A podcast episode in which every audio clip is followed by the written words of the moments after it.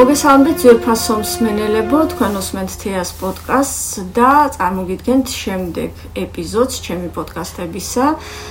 დღევანდელი ჩემი პოდკასტის სტუმარი გახლავთ კომპოზიტორი არჩილ გიორგოპიანი. მოგესალმებით აჩიკო, დიდი მადლობა რომ დღეს ჩემი სტუმარი ხარ. აა არჩილ აა მიუხედავად იმისა, რომ ძალიან რთული პერიოდი არის ახლა, ამ გლობალური პანდემიის გამო ზოგადად არამხოლოდ საქართველოში, მსოფლიოში არის საკმაოდ რთული პერიოდი და დარწმუნებული ვარ, არაერთი პროექტი გაუქმდა. ამ ვხართ კი, ბევრი. ამიტომ ამაზე ამ უარყოფით ხარეზე არ მინდა დღეს ვისაუბროთ. დარწმუნებული ვარ ასე რომ რაღაცეები გაკეთდა კიდეც და მოდი აი ჩვენს მსმენელებს რომ გავაცნოთ თუ ამ პერიოდში რა სიახლეები არის შენ შემოქმედებაში? რაოდენ გასაკვირიც არ უნდა იყოს, მიუხედავად იმისა, რომ ზოგადად ჩვენი საქმიანობა არ არის დაგადატვირთული და არ არის პანდემიამდეც კი, ვერ ვიტყვით რომ რაღაცა უაზროდ დაკავებულები ვართ. აუდენ გასაკვირიც არ უნდა იყოს ამ პანდემიის პერიოდში ორ რაღაცასში მომიწია მე მონაწილეობა. ეს იყო პირველი და იყო ეს ზაფხულში თხოვეს და ნუ შენც იცი და მეც კარგად ვიცი ეს იყო თათალიჩელის ფესტივალი თენგიზ ამირეჯიბის სახელობის პიანისტთა საერთაშორისო კონკურსი და მასე მის ასევე ფესტივალი და სპეციალურად ამ ფესტივალისთვის თათას ინიციატივაც იყო და ასევე თვითონ სოლისტის გიორგი გაგნიძის სოფლიო დონის ბარიტონის რომელსაც სურდა რომ გაკეთებულიყო სულხან ნაციძის ვოკალური ციკლის საორკესტრო ვერსია. მოგეხსენებათ ორიგინალი არ დაწერილი ფორტეპიანოსა და ხმისათვის. და სწორედ აგვისტოში მოხდა ეს შემოთავაზება და ამ აგვისტომ შეიძლება ითქვას გამომაფხიზლა, იმიტომ რომ გაჩნდა რაღაცა საქმე, იმიტომ რომ აი ფიზიკურად პანდემია რო დაიწყო, ერთის მხრივ მეგონა რომ რა ხრა კაია, რამხელად რომ მომეცენა დავჭდები და ჩემ საქმეს მივხედავ, მაგრამ აღმოჩნდა რომ ეგრე არ არის, იმიტომ რომ იმდენად დაწუნული სიტუაცია იყო, იმდენად ბევრი პანდემიის გარდა იმდენად ბევრი ნეგატივი იყო იმ წელს სამწუხაროდ ახალგაზრდების გარდაცვალებები და ის რაღაც მთელი ციკლი რომელიც სამწუხაროდ ჩვენ თვალწინ გაიარა და აი პირველი იყო ეს რომელიც მე თუ არ მოწდები ოქტომბერში იყო ეს კონცერტი რომელიც გავიდა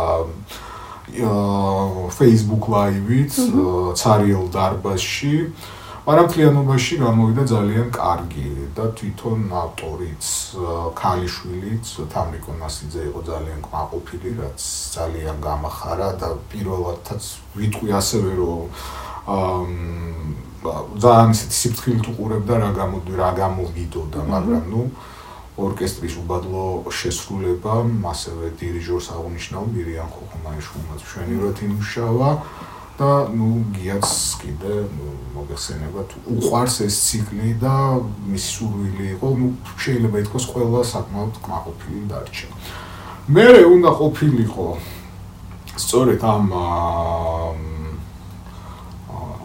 ამ ამ ფესტივალის შემდეგ იყო შემოთავაზება რაღაც დოკუმენტურ ფილმზე რომელიც სამწუხაროდ ჩაიშალა თუ არ ვიცი არ გამოჩნდა მე იყო ასევე გამოხმაურება მინსკიდან იქ ცხოვრები ქართველი გოგოსი რომელიც მიკვეთავდა ბალეტს სრულაქტიან.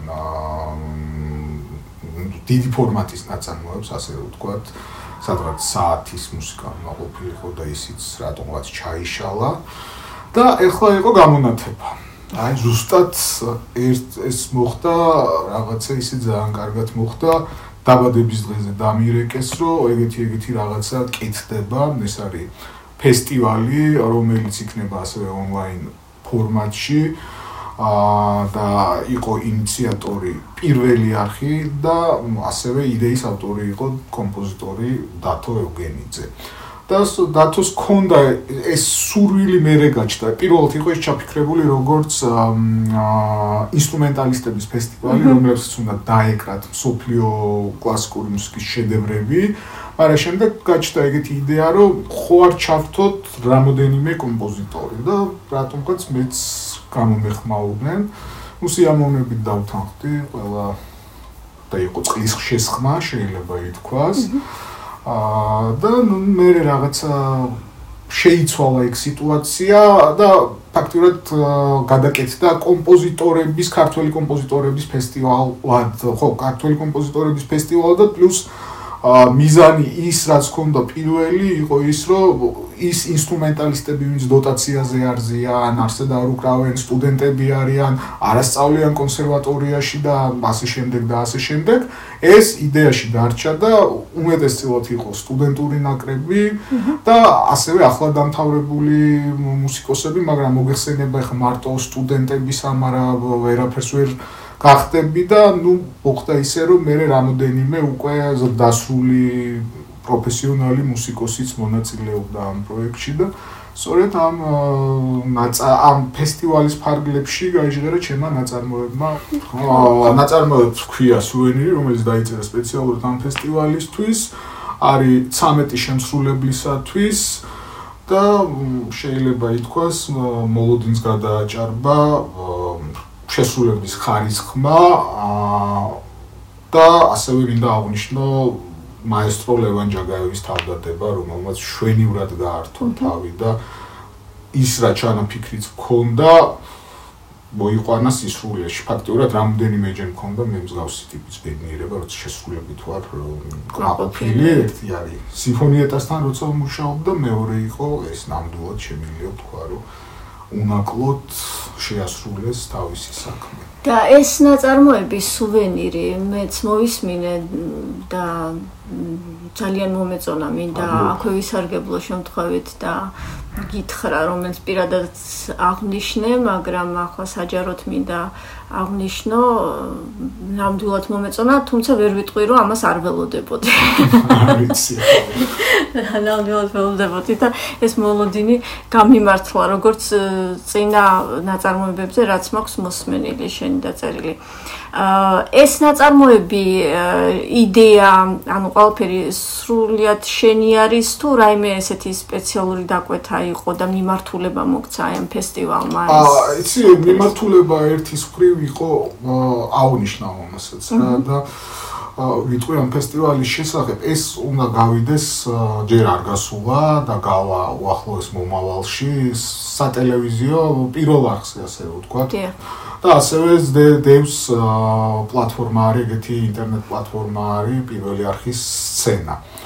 და აქედან გამომდინარე ნუ და ყველა სიკეთესთან გამომდინარე, კი არა უბედურებასთან გამომდინარე, რაც ახლა ჩვენ გადაგხვდა ამ ერთი წლის მანძილზე, მივხვდი რომ აქ ახლა სმენელი დაჯდე და აფიქრო და აწვალო და ეს უნდა ყოფილიყო მაქსიმალურად ხალასი, მაქსიმალურად ხიარული ფერები და რაღაც სიცოცხლეს რომ მოგანდომებს. აი ეს იყო პირველი ისეთი მიზანი ჩემი და ეგ რეალურად გვინდა გვინდოდა მთელი ფესტივალის მანძილზე მთელ ყველა ნაწარმოებებში რომ ეს ყოფილი ეს ყოფილი ყოფილი იყო.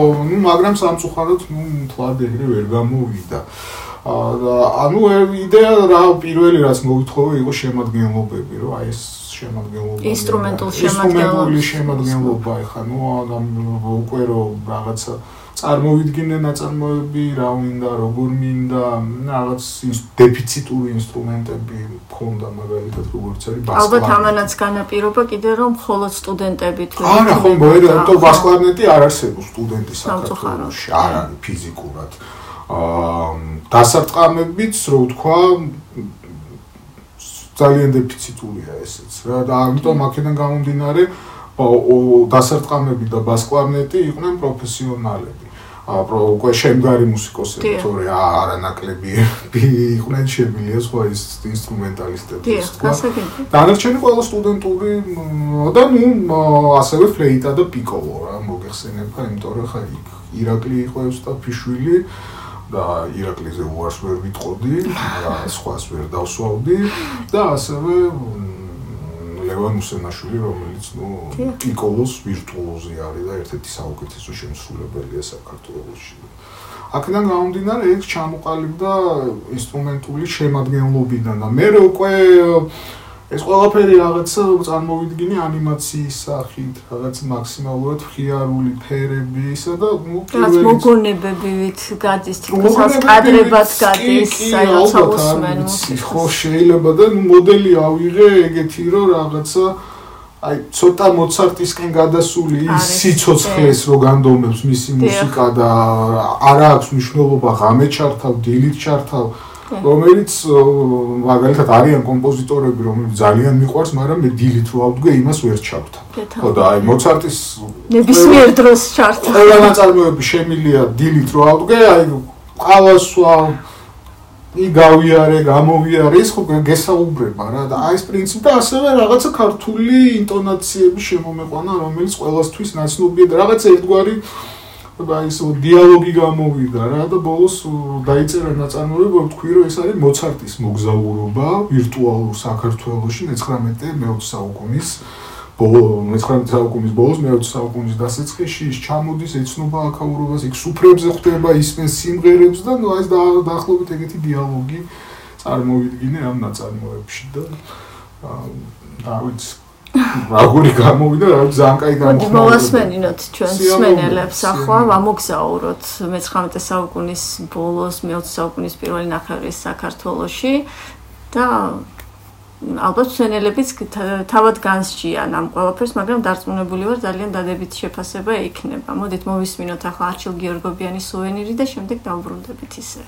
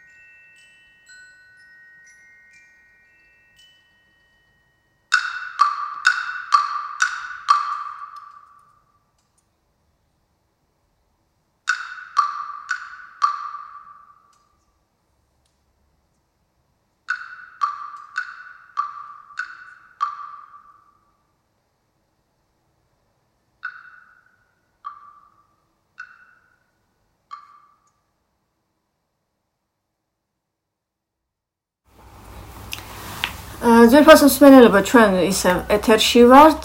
ჩვენ ახლა მოვისმინეთ არჩილ გიორგობიანის სუვენირი ვიმოგზაურეთ მე-19 საუკუნის მე-20 საუკუნის საქართველოში მოცარტთან ერთად.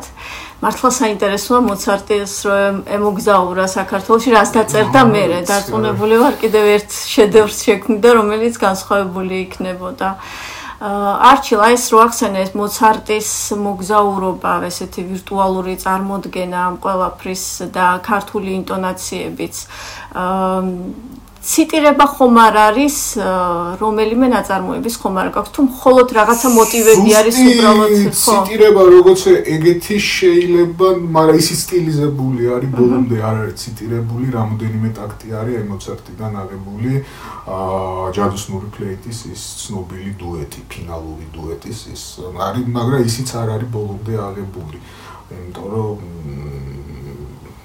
იქაც იცვლება, იჩეხება, ედება რაღაცები, ეს ქართული ინტონაციები და გაფანტულია, ძალიან გაფანტულია არის რა. ასევე მინდა თქვა, ნუ იქ ფალიაშვილის რაღაცა მოტივი მაგ გამოყენებული ერთ-ერთი ის, მაგრამ იქაც იჩეხება ეს ყველაფერი კონტრაპუნქტში ემატება რაღაც მოცარტისეული ალუზია და ბოლომდე ციტირება, ვერ ვიტყვი რომ იყოს აქ ციტირებული მუსიკა, უბრალოდ ეს ხალისი, სიხალასე, რაც მოცარტის გენიალურ მუსიკას ახსენებს. ვფიქრობ, რომ ზოგადად, როდესაც ქმნი მუსიკას, მე თვითონ არ ვარ კომპოზიტორი, მაგრამ ყოველ შემთხვევაში როგორც აი შემსრულებელი და როგორც მსმენელი, ზოგჯერ შემფასებელი, ეს წარმომიდგენია, რომ ზუსტი ციტირება, თუნდაც საკუთარი მელოდიის ციტირება არც ერთ კომპოზიტორს, ახლა ესეც კარგ კომპოზიტორს არც გაუკეთებია. მე მგონი არც უნდა გაკეთდეს, არა? იმიტომ რომ ინდივიდუალიზმი შეიძლება დაიკარგოს. მე თუ გააჩნია როგორ ფუთავან ყველაფერს. აი რავი,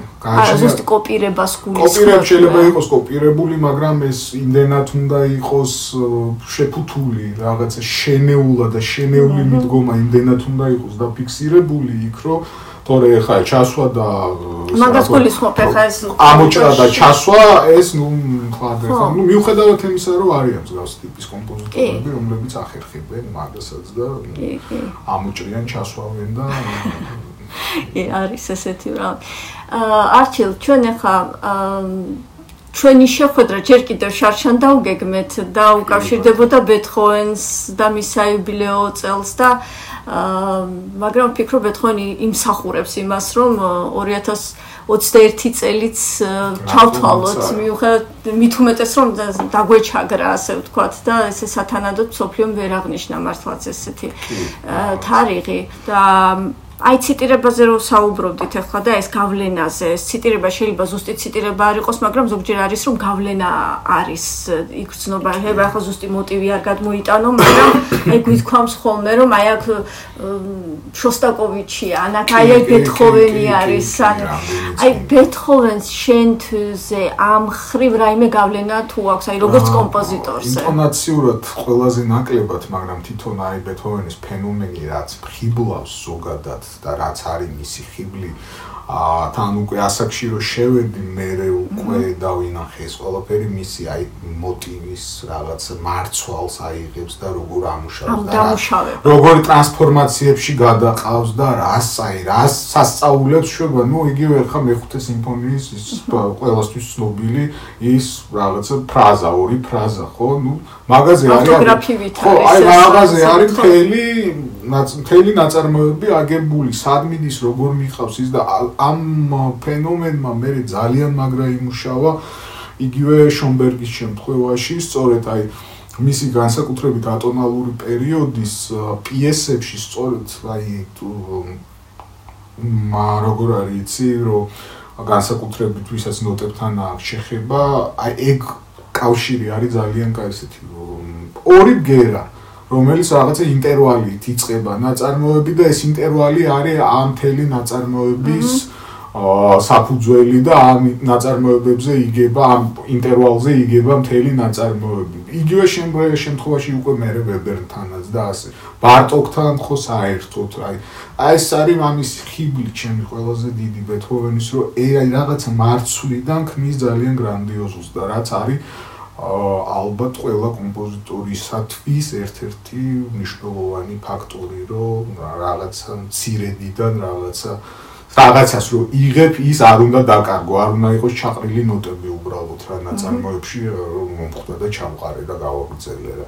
აი ეს არის ჩემთვის ძალიან ერთ-ერთი მნიშვნელოვანი ფაქტორი რა და ეხლა ნუ უკვე აღარ გადავდივარ რომ ეხა ეს რომანტიზმის მიჯნაზე მყოფი ხო აი ეს ორი ორი ეპოქის სინთეზი არის არ არის სუფთა კლასიციზმი არც სუფთა რომანტიზმი არ არის არა ეს არის რაღაცა ძალიან და თან ნუ უკვე რეალურად ბეთჰოვენთან ჩამოყალიბდა ეს მეცხრე სიმფონიის რაღაცა 9 სიმფონიის ბედის წერა. ბედის წერა, კი, თითქოს.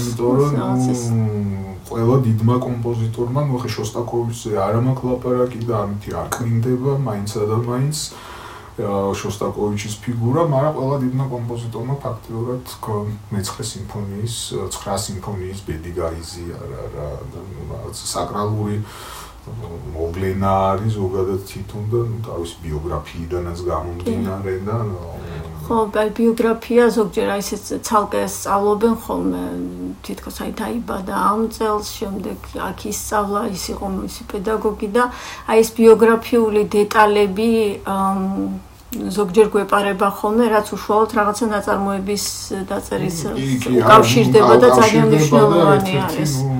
ხა შენ კომპოზიტორი ხარ და ეს პროცესი ყველაზე კარგად იცი. აი თუნდაც ახლა პანდემიის დროს აი რაც ახსენე წეღან რომ მეგონა რომ ბევრი დრო მქონდა და ბევრს ეგონა ეს სხვათა შორის მეც მეგონა რომ ძალიან ბევრ საქმეს რომელსაც ვერ ვასწრებდი ეს გადატვირთული რეჟიმის გამო გავაკეთებდი მაგრამ ეს გარემო ძალიან მოქმედებს. ხო, გარემო თქუნავს სიტუაცია თქუნავს და ნუ ზოგიერთისთვის ეს შემოქმედებითაც ძალიან ეს უფრო მეტად ხო, არ ვიცი ხა ბეთჰოვენზე საუბრობ და ბეთჰოვენის შემთხვევაში მარტო ეს სუდათრგუნული რო ყოფილიყო, რაც იყო პრინციპში, არა? ხო, მაგრამ აი მასაც ახერხებდა რომ ენათებინა და მზე და არ ყოფილიყო ტრაგიკული, ხო, ბოლომდე. ხო, და აი ეგა მაგას აქ ძალიან დიდი მნიშვნელობა. ხო, ყველა ფაქტიურად ყველა დიდ კომპოზიტორს აქვს ეგ მომენტი, რომ ის არ გრთგუნავს ის პირიქით რაღაცა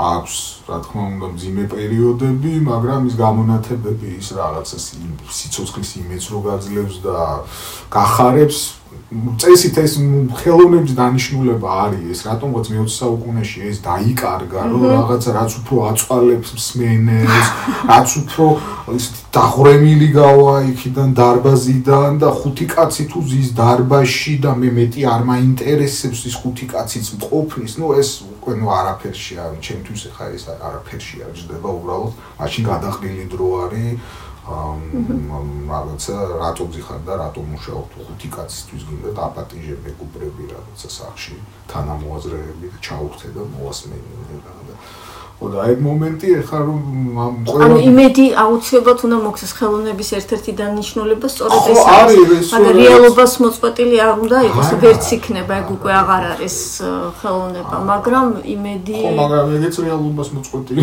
ახლა ხუთი კაცისთვის წერდნენ სიტყვას და რაღაცა ხუთი კაცისთვის დღეს შენ არავინ არ შეგასრულებს დამჯერე ეგრეა. კი მე ამ ბოლო დროს ხშირად საუბრობ ხოლმე ზუსტად ამაზე რომ ხელოვნება რაღაც ძალიან ხშირად და ზოგადად საქართველოს მე მგონი ხშირად კი არა საერთოდ ესეთი წარმოდგენა ექმნებათ ადამიანებს რომ ეს რაღაც უფრო სულიერი საზრდო არის და როგორც ერთ-ერთი პროფესიად ძალიან იშვიათად რომ განიხილავდნენ. იგი კომპოზიტორების პროფესიას მაგალითად რომ უნდა დაჭდე და შედევრი შექმნა ესე და ამ დროს წეგან მოცარდზე საუბრობდით და ასევე ბეთჰოვენსაც არც თუ ისე ცუდი შემოსავლები ქონდა თავიანთი შედევრები შეკვეთებზე აბსოლუტურად შეკვეთებზე ორიენტირებული კომპოზიტორები.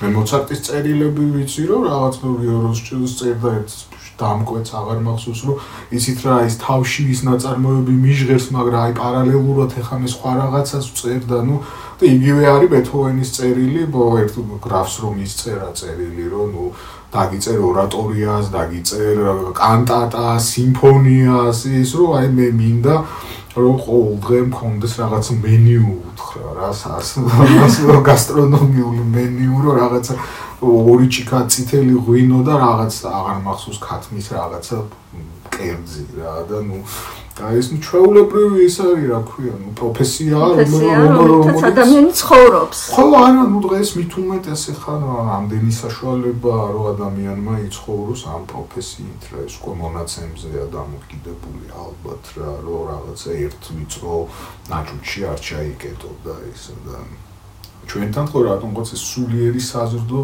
და ეს რაღაც პეპლები დაფრინავენ და ჩიტები გალობენ მარტო და ეგრე არ არის თუმცა უკვე სოფიოში გაჩნდა ეს უკვე ეს სოციალურ ქსელშიდაც არა ეს ჩარჩოები რომ კულტურა საქმე არის. ხო არტის პროექტი მაგრამ ეს კოვიდმა უფრო გამოიწვია ევროპის და ამერიკის ხო ნუ იქ მაინც კიდე რაღაცა ინსტიტუციები არსებობს და ის მათთვის ბევრად ძვირფასი არის ეთყობა რომ და ბევრად დიდი ფინანსები იხარჯება ამ ყველაფერში რომ ეს ამ სფერო მიცოცხლოს როგორც ნუ საშემსრულებლო რაზე ალაპარაკი ასევე საკომპოზიტორო ჟანრები საკომპოზიტორო სფეროს სფერომაც რა თქმა უნდა მაგრამ იქაც ძალიან ის არის რა სირთულეებთან არის დაკავშირებული ბევრი რაღაცები ფაქტიურად ხა ბეთჰოვენზე რა ყოლაპარაკობ სიმფონიური მუსიკა ახალი თუ იწერება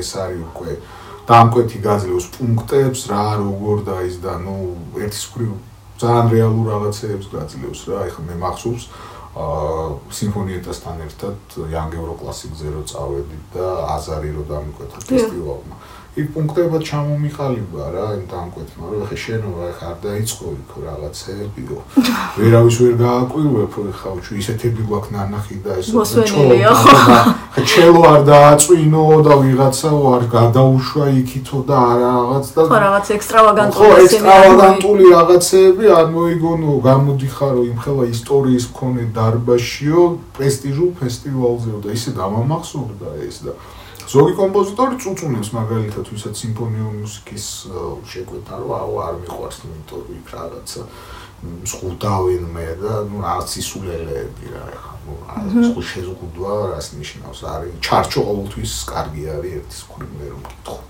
ხო, ჩარჩო ყოველთვის ჭირდება ადამიანსაც და შემოქმედსაც. ხო, და ყველაზე რთული ზუსტად ის არის, რომ იმ ჩარჩოში ორიგინალური ორიგინალური ხო და ინდივიდუალიზმი არ დაკარგო. ოქროშუალები რასაც არა, როგორც ცხოვრებაში, ასევე შემოქმედებაშიც ეს არის რაღაცა ერთგვარი კრედო ჩემი და ხო. აი ბეთჰოვენს რო დაუბრუნდეთ ბუნებრივია ხო ის ესე წერდა და შემოსავალი ქონდა ამისგან და სხვა შორის არც თუ ისეთი ცირედი მოთხოვნები ქონდა ასევე შემსრულებლებსაც ზედმიწევნით არჩევდა და ზუსტად სად უნდა შესრულებულიყო და გავლენას რაც შეეხება ბეთჰოვენის მერე, რა ვიცი, მე არ ვერ ვიხსენებ ახლა კომპოზიტორსაც, სადაც შეიძლება ვერ იპოვო ბეთჰოვენის მარცვალი. არა, ნუ ახლა ეს აი ეს როგორც ახლა ბახი, რო დაიწყო და ბახი ეს საძირკველია, მე ბეთჰოვენი არის. აი ეს რომელიც გარდაუვალი რაღაცა. აი შენთვის როგორც კომპოზიტორისთვის აი ეს ფენომენი, როგორც ასეთი ეს დამუშავებაზე ვისაუბრეთ ახლა და აი ეს გავლენები რას ვთქვი, აი ბრამს მაგალითად ძალიან წინდა, როდესაც ამბობდნენ იგივე მის პირველ სიმფონიაზე რო თქვეს, რომ ბეთჰოვენის მეათეაო. და ძალიან განაცხენებული იყო ამაზე, მაგრამ წინს. შენ პოულოფ აი ესეთ, აი შეიძლება შექმნის დროს შეიძლება არ ფიქრობ ამაზე, მაგრამ აი პროცესის დროს რა ხდება ესეთი, რომ ახლა თუ გინდა ეს სფერო და თუ გინდა ამ სფეროში ფეხი ჩაყო, იმდენი უნდა ისმინო და იმდენი უნდა ქეკო სხვისი მუსიკა. შენ სხვისი მუსიკა შენ მუსიკაზე უფრო მეტად უნდა გიყვარდეს და ეს გრძელდება მთელი ცხოვრების მანძილზე. პროიწება სტუდენტობიდან და ხაზგასმით თუ ამბობ, რომ ეს კონსერვატორია, მარტო კონსერვატორია ვერაფერს ვერ მოგცემს. ის გაძლევს რაღაცა მიმართულებას და კონსერვატორიის მიღმა უნდა წახვიდეთ და შენ ხო გახსნა სახში საკუთარი კონსერვატორია. ხო და იმდენი არის მსგავსი რაღაცები, იმიტომ რომ ძალიან ბევრი დღემდე უსმენ. ყოველდღიურად შეიძლება ითქვას რაღაცა ახალს ვეცნობ მე. ვცდილობ იქნებ რაღაცა პარტიტურა მოვიპოვო რამენაირად, მიუწერ ვიღაცას, ხო არა გაგჩემთხვევი. ი ექთვისება ვიცი, შენ და ყოველთვის მომწონდა რომ ყველაფერს მადლობა ღმერთს ეხა რაღაცა უკვე გამომცემლობებმა დადეს ეს სანახაური აი ეს რომ გახსნი და ნახავ რა პარტიტურას და თან მოისმენ და ნუ არის პლუსები და ნუ ეს ყოველდღიურია და გავლენები იქნება იმდენი რომ რა ვიცი მაგას ვერ გავიქცევი ნამდვილად რა და არც არც მაცხოს ხო არა შეუძლებელია ახლა რომ რაიმ ადამიანები ვართ კი არა ჩაულებრივ ქცევაშიდაც კი ვექცევით ხოლმე რაღაც გავლენებში და მithumetes შემოქმედებითი პროცესი. თან იცი რას ფიქრობ ხოლმე რომ ეს მხოლოდ გავლენა შეიძლება არ იყოს ეს ზოგჯერ ცოდნაც არის ხო? ის ხო ცოდნა არის უკვე და რაღაც გამოცდილება რომელიც გაიარა იმ ადამიანებმა და შენ იმას ვერ აცდები ხო? თავისთავად ხო ნუ ველოსიპედის გამოგონება თავიდან არასდროს მე ჩემი მიზანი არ ქონია არ ყოფილა და სამწუხაროდ ეს იყო 50-იან 40-იან წლებში ავანგარდისტების მიზანი რომ რაღაცა ახალი ახალი ადამიანი ხო ნულიდან უნდა დაიწყოს და ახალი ადამიანი ისა და ამას სულ აღნიშნავდა არც მე ვერიდები რა და ერთი ორჯერ რაღაცა შენიშნასავით წამოვიდა. რაც კომუნიზმა და ფაშიზმა ვერ შეძლო თქო ეს წამოვიდა სამწუხაროდ მუსიკაში რომ რაღაცა ყველაფერს მოწყვეტილი, მაგრამ იქაც არ არის ბოლომდე რა, კაცო. ვერ მოწყვეტები თანაც რომ გინდა. საიდან როგორ რა, მაინც რაღაცა და ვინც ეს დაიწყო, მე ბოლოს დაუბრუნდნენ ისე ტრადიციულ ფორმებს, ისე ტრადიციულ მიდგომებს, რომ მიხვდნენ, რომ ნუ ახლა ახალი ველოსიპედის გამოგონება არ შეიძლება. იგივე თვითონ ახლა ბეთჰოვენის რამდენ ნაწარმოებში შეინიშნება, თუნდაც აი ეს ნუ მოცარტზე აღარ ვაპარაკობ საერთოდ წინა საუკუნეების მუსიკალური ცოდნა და უკვე ცოდნა არის და არა გავლენა. ცოდნა ხო რომელსაც იზიარებს პირველი სონატა ისე ებმება მაგალითად ჰაიდნს და მოცარტს, როგორც მიუხედავთ იმისა, რომ თანამედროვეები არიან და რაღაც და ნუ იმდენ რაღაცას აღმოაჩენ ძველი მუსიკით. ძველი მუსიკით და მის მუსიკაში და აი ბეთჰოვენის მეხუთე სიმფონიაში მაგალითად ისმის ფოლიას თემა. კი, კი, კი, კი, კი, მართალია. აქვს ეს ბაროკოს ელემენტები. ბაროკოს ელემენტები მე მძაფრდება უკვე მოგვიანების მის ნაწარმოებებში რაღაც შემოყავს თავისებურად, მაგრამ ეს ხო არ ანგრევს ბეთჰოვენს არა. და ამავე დროს არის ძალიან დიდი ნოვატორი, თუნდაც საფორტეპიანო კონცერტში ახლა შესავლის garaშე პირდაპირ ფორტეპიანო იწყებს სოლოს, ეს მაშინ დიდი სიახლე იყო. ეს ერთ-ერთი მისი სიახლე არის. ასევე კადენციებთან მიმართებაში და ნუ რა ძალიან ძალიან ბევრია მან. კვარტეტებზე უკვე კვარტეტები საერთოდ წერვალი არის ერთ-ერთი კამერული მუსიკის წერვალი. საერთოდ ის. ხო და დღეს ზუსტად კამერული მუსიკიდან შეარჩია ჩვენი მსმენელებისთვის ბეთჰოვენის ნაწარმოები დიდი ფუგა. ის რო გითხრა რომ გამიკვირდა შენგან არა იმიტომ რომ პრინციპში ბეთჰოვენის შემოქმედებაში ერთ-ერთი ესეთი ყველაზე თანამედროვე, რომელიც ყოველთვის თანამედროვე იქნება, როგორც სტრავინსკი თქვა. ესე თქვა, რომ ეს არის თანამედროვე მუსიკა, რომელიც ყოველთვის თანამედროვე იქნება. ზუსტად ეს ისმინება, როგორც დღევანდელი მუსიკა, არ აქვს მნიშვნელობა კვარტეტი უკრავს, არ აქვს მნიშვნელობა ეს არის სიმებისთვის გადამუშავებული. ну არის და ну შიგნით ახლა მე ფორმის ანალიზს არ დავიწყებ შიგნით რა ხდება ხო მაგრამ მაინც მაინტერესებს აი შენთვის როგორც კომპოზიტორისთვის იმიტომ რომ მაინც ამ ნიშნით შეარჩევდი ახლა ამ ნაწარმოებს არა სხვათა შორის არა არა შიგნით ну ახლა თემების გადაჭაჭვები მისი დამუშავებები მისი ჯერნოს ბაროკოს ელემენტი ხო შემოდის მაგრამ ეს სრულიად ახლებურად გადააზრებული ამდენი თემის ერთმანეთზე გადაჯაჭვეობა, აი ის რაღაცა, აი ის ნაწილები, შესავალი, ის რაღაცა მარცვლები, რაც აღნიშნე როგორ ამუშავებს, როგორა გაფანტული სხვადასხვა ნაწილებში, რა იმ პირველი თემიდან, უცბად მე ის რითმული ნახატი რჩება, მე ძალიან ბევრია იქ ისეთი რაღაცა ელემენტები, რაც რეალურად არის კომპოზიტორის ბიბლია, ასე ვთქვათ, რა, რომ აი დღესაც მაგალითად ჩემ მოზრდილ მოსწავლეებს პატარებზე არ მაქვს ლაპარაკი, ზუსტად ეგეთ რაღაცეებზე მაქვს აქცენტი გაკეთებული რა, რომ ეს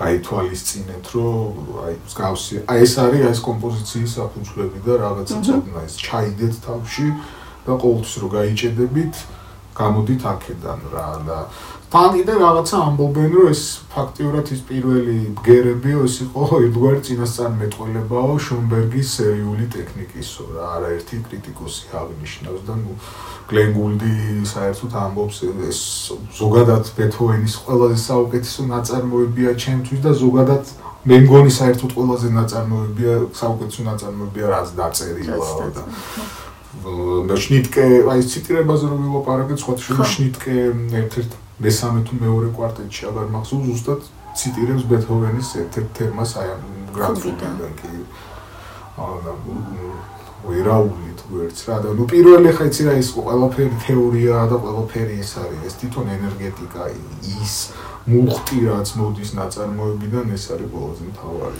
დაიწერა ჩარჩოზე რო საუბრობდით, ფუგა ზუსტად ის ფორმა არის, რომელიც არის ჩარჩო, რომელიც აი თითქოს მათემატიკური ფორმულა არის მოცემული და აი იქ შექმნა ეს შედევრი, მაგრამ რამდენად თავისუფალი ამ ჩარჩოში. ჩარჩოშიც თავისუფალი არის და სწორედ მაგიტომ ჩემთვის არის აი მაგიტომ არის ანუ მაგრამ პირველი მაინც ახსმენთი ახკმა არის და სმენთი ეფექტი არის ეს რომ მე რეიწყებ მე რეიწყებ შიგნით შრეებში. შრეებში სიარუსტორე ხა დღეს ტექსტი უფრო დიდი არის ვიდრე ნაწარმოებები ხელა შესავლები ვერბალური შესავლები აქვს თანამედროვე მუსიკის კონცერტებზე თვითონ წარმოებს გიყვება რაღაცა სიყვარს ყოლებზე დახტომა, გადახტომა იქ რაღაცა პლანეტები ისე და ანუ რაღაცა დაიწყება ნაწარმოები ორ წუთში. ო, წუთში შეება რა ვარსკვლავი, ის ვარსკვლავი. ვერ მიაღწია ვარსკვლავი. არ დაერჩახო ორ წუთში ნორმალურად აზამია. არა თუ კოსმოსში გახვიდე. რაღაცა არის და ის მომენტები საერთოდ. ხო, ვერბალური ნაწილი ასაინტერესო არის ხოლმე, მაგრამ როდესაც მუსიკაზე ვსაუბრობ, ზუსტად ის მუსიკა უნდა ხო, ყველა ახერხებდეს ამ ყველაფერს მოპოვებას. ეს მუსიკა არ აქვს მნიშვნელობა. რა თქმა უნდა, ნებისმიერ ზოგადად ის თანამედროვეა თუ ძველი არის, ეს და ეს არის რაღაცა გამორჩეული ძეგლი მსოფლიო. და თან ისიც აღნა აღსანიშნავია ეს უკვე ეს ნაწარმოები დაიწერა უკვე იმ პერიოდში როცა უკვე ისმენა დაქვეითებული აბსოლუტურად დაყვება და იყო მისი მე-13 კვარტეტის ბოლო ნაწილი და გამომცემელმა უარი უთხრა ცალკე გადადეო ესო და დაწერეო სხვა ნაწილი აქვს. იმიტომ რომ იცი, როდესაც შესრულდა, როგორი კრიტიკა, ერთ-ერთი ესეთი შეფასება იყო, რომ გაუგებარი ჩინური არის, ეს ესე დაიწერა კიდეც და კი, მაგრამ მე რაღაცა 30 წლის პაუზა ქონდა რამდენადაც ვიცი, ამ არ შესრულებულა. 27 წელს შესრულდა თუ არ 25-ში დაწერა ეს თვითონ კვარტეტი და მე 27-ში შესრულდა უკვე ცალკე, როგორც ცალკე ნაწარმოები. ну ну ეს ფაქტიურად აი ბეთჰოვენის ბოლო კვარტეტების გაგრძელებაა რა თუ გაგრძელება თუ დასაწყისი თუ რა ვიცი როგორ დავარქვა რთულესი შესასრულებლად მუსიკალურად ტექნიკურად ძალიან რთული ამას შემსრულებლები აღნიშნავდნენ უკვე თვითონ ტექნიკურად ეს თვითონ გრანდ ფუგა ხო ძალიან რთული არის მაგრამ ბოლო კვარტეტები თვითონ გასააზრებლად არის ძალიან რთული და ძალიან დიდი აა როგორც მენტალურ ოსტატობას, ასევე ინსტრუმენტალურ ოსტატობასაც მოითხოვს, ასე რომ ასე რომ გარკვეულ გამოცდილებასაც მოითხოვს და ალბათ ზოგჯერ არის რომ ნაწარმოები მიმაჩნია რომ რაღაც ისეთ ასაკში უნდა შესრულდეს და ხო ეს არ არის ნუ შემთხვევით რომ რაღაცა იმიტომ რომ თვითონაც იმიტო წერდნენ რაღაც გარკვეულ ასაკში მანამდე ბევრი ქონდათ გავლილი უკვე რომ ამ გამოცდილებას შემსრულებლისგანაც მოითხოვს. თავი მოგა მე ხო თავისთავად ჩდება ეს მოთხოვნა რა გაიაზრო კარგად. ხო გაიაზრო ნაწარმოები ეს ყველაფერი, ნუ ეს არ უნდა გაჩნდეს პირველ კურსელში რა, რომ ეს შემსრულებელს შეიძლება თავზე დაახუროს, რომ შენ ისე არ უკრავ და რაღაცა და ეს პირველ კურსელში. ბუნებრივიც არის მე მგონი რომ არ გაჩნდეს. ხო არა, ნუ არის. ნიშვიათი ძალიან ნიშვიათი ფენომენები შეიძლება არსებობენ შემსრულებლების, მაგრამ მაგრამ ხაროთ ხა არ შეიძლება რომ როცა სრულიად გამოუცდელი ხარ რაღაცა ინსტრუმენტალის რაღაცეები მოსთხოვო, რაც შეიძლება საერთოდ არა დაყრადი იყოს მაგალითად და ხდება. შევსწრები. რომ მხოლოდ ტექნიკურ ფლობაზე არ არის ნაწარმოების შესრულება. და დღეს შევარჩიეთ სიმფონიეტას შესრულებით ეს. ანუ ეს როგორც უკვე აღნიშნეთ, კვარტეტისთვის არის დაწერილი და კამერული ორკესტრის შესრულებით. ამაზედაც რაღაცა ესეთი შენი პირადი დამოკიდებულება გაქვს. პირადი დამოკიდებულება მაქვს. ჯერ მარტო იქიდან რომ არის ძალიან კარგად გადამუშავებული. მარლევ მარკიზის გადამუშავებული არის და რამდენადაც ვიცი ეს არის ამსტერდამის სიმფონიეტასთვის გაკეთებული თუ არა ვწდები. აა და პირად დამოკიდებულება რატომ აქვს? კიდე ეს ამ ვერსია თბილისში რომ გაიჟღერა მაშინ მე მუშაობდი რადიო მუზაში და ვიჯექი პირდაპირ ეთერში და ტრანსლირებდი ამ კონცერტს და რაღაცა ძალიან ისეთი ახლო მოგონებები მაკავშირებს რა ატომაც არა კაი შესრულებაა თან ძალიან რა და თან აი თითქოს ეს საორკესტრო ჟღერადობა კიდევ უფრო ამძაფრებს იმ ხასიათს არა?